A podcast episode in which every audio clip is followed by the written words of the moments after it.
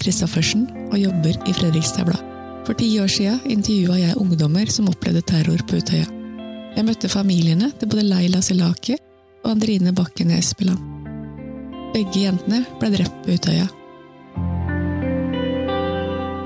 I denne episoden av podkasten Livet etter Leila møter vi Inger Fjellbråten. Hun var Leilas kontaktlærer i første klasse på Fredrik.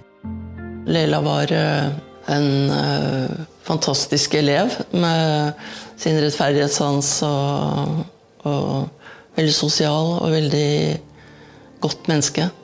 Og hvis det var noen i klassen som reiste seg opp og ville gå ut, så sprang hun som regel etter for å passe på hvordan er det med deg, hva, skjer?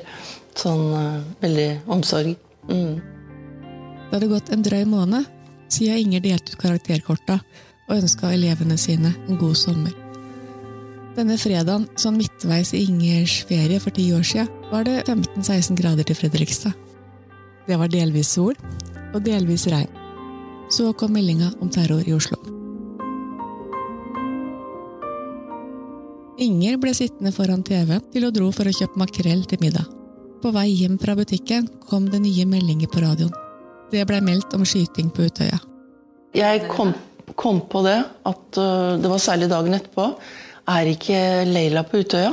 Det er jo AUF-leir. Og hun sa hun skulle på det, men jeg var jo ikke 100% sikker. Så jeg gikk litt sånn i uvisse, da. Ti år etter terrorangrepet har vi avtalt å møte Inger på Fredrik. Hun har blitt pensjonist. Hun tar oss med inn i klasserommet i Kristianslundblokka og går rett til kateteret og legger fra seg veska før hun ser utover i rommet.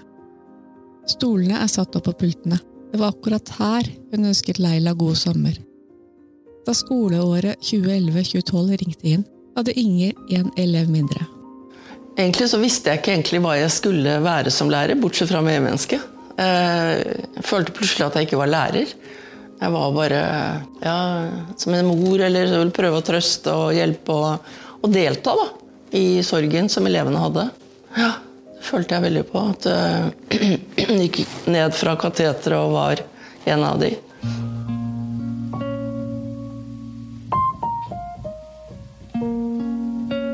Første gang Inger så Elfet Selaki, var under Leilas minnestund. Hun fikk ikke hilst på den sorgtunge mammaen. Inger tok først kontakt med Elfet da hun fant et uåpna brev fra Leila. Det var på en verdighetsdag, for det var jeg opptatt av. Og da skulle alle elevene skrive hvordan man kunne skape verdighet for seg selv og for andre. Og der skriver jo Leila at hun ønsker å arbeide for foreldreløse barn. Det sto masse der om å skulle jobbe for andre. Og veldig lite selvopptatt. Veldig, Leila hadde jo veldig stor omsorg for andre mennesker. Da Elfrid fikk dette brevet, da, så fikk Elfrid etter hvert lyst til å lage et fond for Leila. Så fikk vi kontakt med SOS Barnebyer, og da sa hun lederen der at dere kan jo bli en del av det. Og det gjorde vi.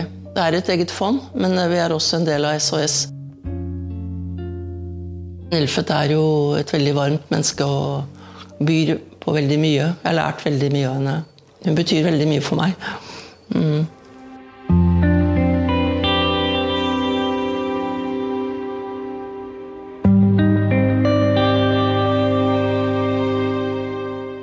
Hvordan er livet etter Leila?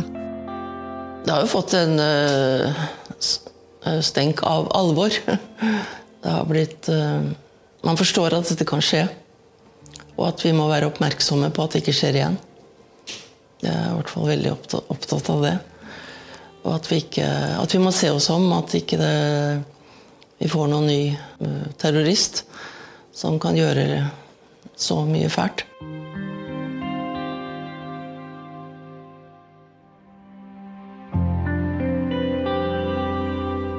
Denne podkasten er produsert av Erik Øysæd og meg, Randi Christoffersen. Musikk er fra Epidemic Sound. Du finner flere episoder av Livet etter Leila på fb.no og der du hører podkast.